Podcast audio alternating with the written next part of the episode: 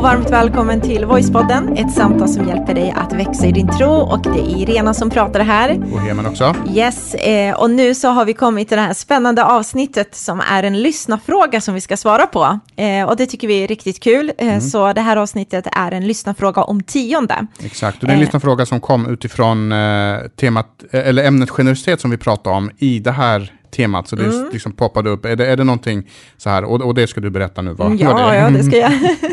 eh, och det är en person som undrar, liksom, okej, okay, men en lyssnarfråga om tionde, vad är det och vad är det, är det någonting som vi måste följa i Nya Testamentet? Alltså vad är tiondet? Är det någonting man måste följa i Nya Testamentet? För Jesus kom ju med en ny lag nu som mm. vi ska följa. Mm. Och jag tycker det är en jättebra fråga och eh, intressant också att den personen var liksom, ja men kunde sin teologi så att säga och undrade. Mm. Eh, så det ska vi eh, prata om, men innan vi liksom svarar direkt så behöver vi förklara lite vad tionde är för någonting. För det är ju liksom en princip som eh, kyrkan i det stora liksom, eh, mm. följer efter. Mm. Ja, precis. Det är en, en eh, princip som många kyrkor runt om i världen eh, lever utifrån. Eh, och eh, det innebär helt enkelt att den, den som är medlem i kyrkan inte måste, men eh, uppmuntras till att eh, ge 10% av sin inkomst till församlingen. Eh, och den principen är hämtad från Gamla Testamentet, inte från lagen som vissa tror. En del tror, och det kommer vi prata om, för att anledningen till att den här frågan ställs är just på grund av att men eh, har inte Jesus kommit för att ta bort lagen och vi behöver inte lagen längre, ska vi fortfarande följa sånt som stod i lagen? Mm. Eh, det kommer jag liksom adressera, men och, och då är det viktigt att, att förstå då att tiondet är inte bara en del av lagen, utan det fanns redan innan lagen. Så det är en princip som Guds folk egentligen alltid, det har liksom alltid funnits, funnits med mm. genom hela eh, Bibelns eh, historia. Um, och, och, och, det eh, går ut på helt enkelt att eh, den som är med i kyrkan som sagt eh, uppmuntras till att ge 10% av sin inkomst och i gamla testamentet så användes då tiondet för att kunna upprätthålla templet, ofta, ibland för att bygga ett tempel, mm. men också för att liksom underhålla templet. Det gick till prästerna och de fattiga. Det var liksom ett sätt att hålla igång den här apparaten som var just eh, eh, templet. För mm. att man skulle kunna tillbe Gud, kunna offra och göra alla de här sakerna som man gjorde i eh, eh Gamla Testamentet. Mm. Precis, och det är någonting som man liksom har haft med i kyrkan sedan sen länge. Mm. Eh, och det är någonting som många som sagt eh, liksom praktiserar idag i sina liv också. Eh, och jag kommer ihåg, på tal om tionde, eh, så kommer jag ihåg en, en kompis som berättade om en situation när hon var på jobbet. För mm. det är en tjej som liksom är ledare i en kyrka och hon är ganska engagerad, så hon liksom gör allt volontärt. Så hon är inte anställd eller något sånt där, men hon var väldigt engagerad i kyrkan, liksom. var med på olika träffar, gudstjänster och allt vad det är. Och hennes kollegor la märke till att hon är väldigt engagerad i kyrkan, liksom, genom, ja, hon la ut det ibland och fick höra, ja, men vad var du i, i tisdags? Jo, men jag var i kyrkan och hjälpte till och så vidare. Och, och, eh, det var under någon rast så hade hon fått en fråga, liksom så här, men du, jag ser att du är väldigt liksom engagerad i kyrka, är det något extra jobb du har där eller något sånt där? Bara, eller vad tjänar eh, du på ja, att jobba i kyrkan? Ja, bara, nej, alltså jag känner ju, nej, jag känner ingenting. Jaha, eh, okej, okay. och så liksom är du med. Ja, nej, grejen är faktiskt så att jag, eh, det är inte så, jag till och med ger för att kunna liksom, inte för att kunna vara med, men jag mm. till och med ger till kyrkan, mm. utöver att jag är med också. Mm. Eh, och, och det kommer hon, jag kommer ihåg när hon berättade att det var så här chockartat för hennes kollega att förstå att hon är volontär, är med på, på det sättet och ger av sin tid och dessutom på det också ger av sin ekonomi till kyrkan. Mm. Och till och med när hon berättade så här, nej men jag ger typ 10% av min lön, bara mm. va? Ja, va, va, va, varför det? Är det ett krav? Bara, nej, det är inte krav, men jag vill, liksom, det är en mm. princip jag följer. Bara, måste man det för att vara med i kyrkan? Nej, utan det är någonting jag följer utifrån Bibeln. Så det var verkligen jätteintressant samtal. Mm. Eh, men, eh, men vissa kan ju känna så att 10%, för någon kan det upplevas som väldigt märkligt och konstigt och jättemycket liksom. Mm.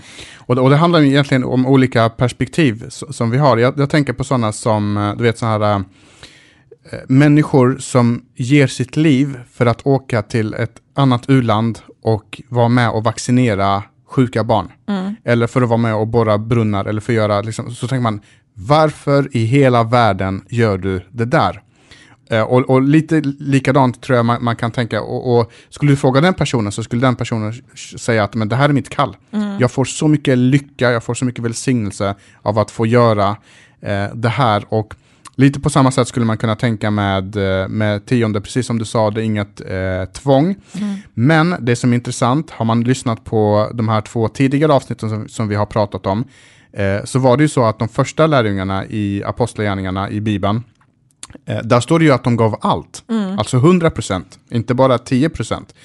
Eh, så att, att, att vi, eh, liksom, att kyrkan pratar om att man ska ge 10 procent, det är egentligen en nedgradering och liksom så här en kompromiss mm. från det som de gjorde. Om man nu ska titta, vad är normalt och vad är onormalt eh, och så vidare. Men, men det är en, en annan... Liksom, mm. Nej, men det är jättebra eh. poäng. Det är jättebra. Det behöver man ha med sig också, så att man ser liksom hela bilden hela tiden. Mm. Eh, och en fråga som vi behöver svara på är just det här, liksom, ska man fortfarande följa eh, eh, lagen om tionde? Alltså mm. är det det som vi behöver göra? För för jag tyckte du hade intressant perspektiv kring den här balansen av hur man ser på Gamla Testamentet med lagen. Eh, är den liksom ond och hemsk och den ska vi bort ifrån för nu har Jesus liksom uppfyllt hela lagen, vilket är sant, det har han. Mm. Och då kan man ju bli lite förvirrad, så här, men om för många refererar bara liksom till lagen när det gäller tionde. Mm. Eh, och då kan man ju bli lite förvirrad, så här, ska man bara plocka och välja lite vad man själv tycker passar nu plötsligt, liksom, eller vad, vad gäller? Exakt.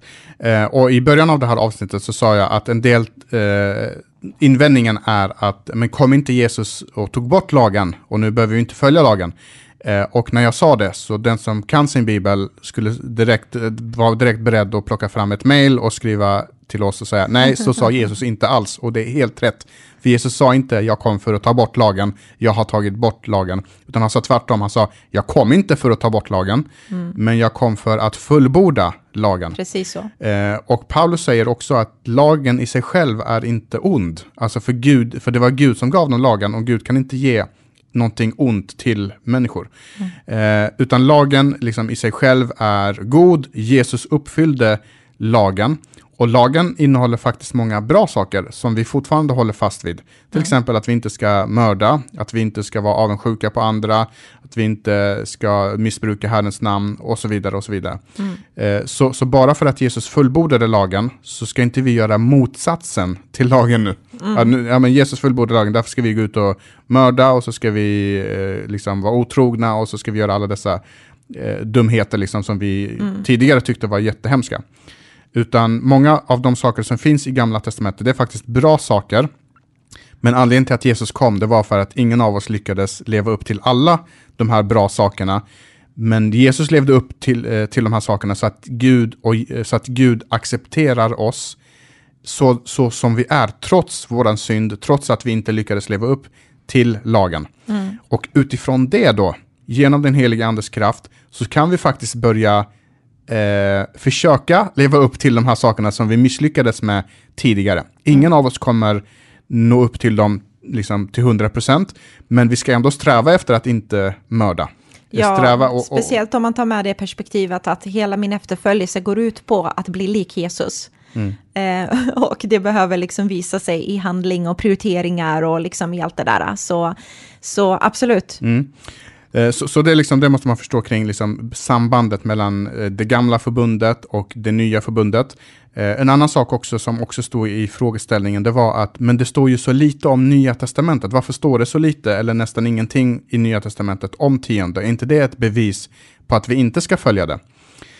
Och då är det så här att det man kan lägga märke till i Nya Testamentet, det är att den tar upp saker som folk inte redan gjorde som de borde göra. Mm. Alltså, eh, om, om det var så att folk, till exempel så kom Jesus och sa att, eh, ja men Moses sa att ni inte ska mörda, men jag säger att ni inte bara, ni får inte ens kalla någon för dumhuvud eller idiot, för då har man syndat i sitt hjärta, för att man har hat i sitt hjärta. Eh, och då tog Jesus upp det, därför att Jesus, människor levde inte upp till den grejen. Mm. Så allting som människor ska göra står inte med i Bibeln.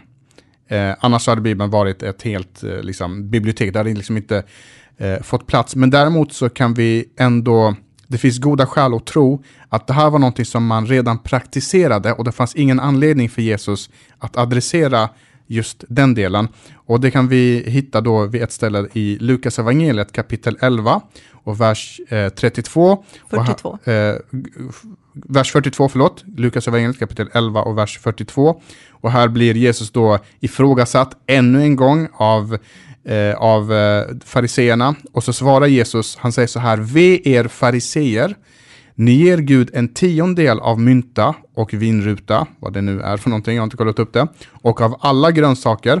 Eh, och det ska vi lägga till här att på den tiden så gav man liksom inte bara så pengar, utan man gav ägodelar, för att mm. ägodelarna var lika med tillgångar, tillgångar liksom mina pengar. Eh, ni gör en tiondel av mynta och vinruta och av alla grönsaker, men ni struntar i rättvisan och kärleken till Gud.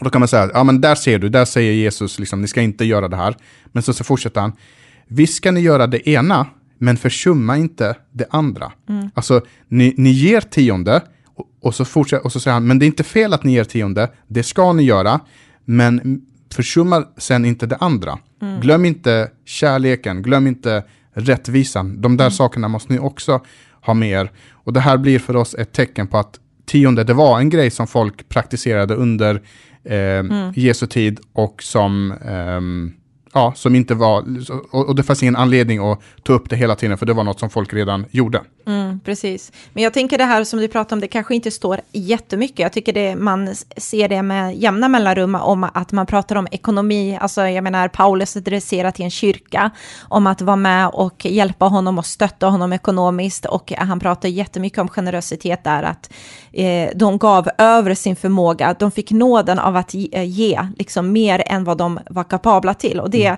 tror jag indikerar lite mer än kanske 10 procent kanske, eller sådär. Ja, och, och på ett eh. ställe så står det att, att de gav inte bara av sin ekonomi, utan de gav också sig själva. Mm.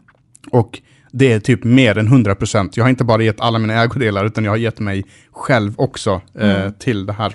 Men jag tänkte bara att till det, kopplat till det du pratar om, alltså i det nya förbundet så agerar vi ju absolut utifrån en helt annan lag och det är ju att vi ska älska Gud av hela vårt hjärta, av hela vår själ och hela vårt förstånd. Alltså inte bara ge Gud en viss procent av vilka vi är, utan vi ger allt. Alltså Gud äger allt, han får hela mitt liv. Mm. Så att jag tycker att eh, om man tittar på utifrån liksom den nya lagen och, och, av att jag följer Jesus så har han tillgång till allt hos mig. Mm. Liksom så. Exakt. Eh, och, precis, och, och, och, det är precis det han säger, att vi ska älska Gud av, av hela vårt hjärta, av mm. hela vår själ och av hela vårt förstånd. Eh, och det står inte att vi ska älska Gud av 10% av vårt hjärta, Nej. 10% av vår själ, 10% av vårt förstånd. Så hela tiden finns det här med som vi pratade om i för, förra avsnittet, att Gud gav oss allt, därför kan vi ge Gud allt, inte bara 10%. Och därför kommer då den här viktiga poängen, att även om kyrkor i Nya Testamentet praktiserar tionde, och jag kan egentligen bara prata om för våran kyrka, eh, säg inte att alla tänker så, så ser vi inte det som en lag. Eh, för är det en lag så är det så att om du gör det blir du välsignad, om du inte gör det blir du förbannad. Och så är det inte med tionde principen. Om du gör det så får du vara med, om du inte gör det så får du inte vara med. Så, så är det absolut inte. Utan det är en god princip och för en del, så om, om man vill liksom utmanas riktigt mycket, så för en del har, har till och med sagt så här, ja men 10% är en bra början. Mm. Eh, men även om man tycker att 10% är mycket, men då kan man börja med 2%, 5%, öka till 6 och öka till 7. En, liksom, ett år i taget, öka liksom 1% varje år, därför att där min skatt är, där kommer mitt hjärta också att vara. Och när jag ger till min församling, som representerar liksom Guds kropp, eh, Jesus kropp här på jorden, eh, då samlar jag också skatter i himlen. Jag samlar, liksom, så, så, som vi läste också i, mm. eh, i förra avsnittet. Eh, och det andra också som man ska ta med sig, det är just motivet. Som sagt, i gamla förbundet, då skulle jag göra det av tvång. Jag var tvungen att göra det, jag måste göra det.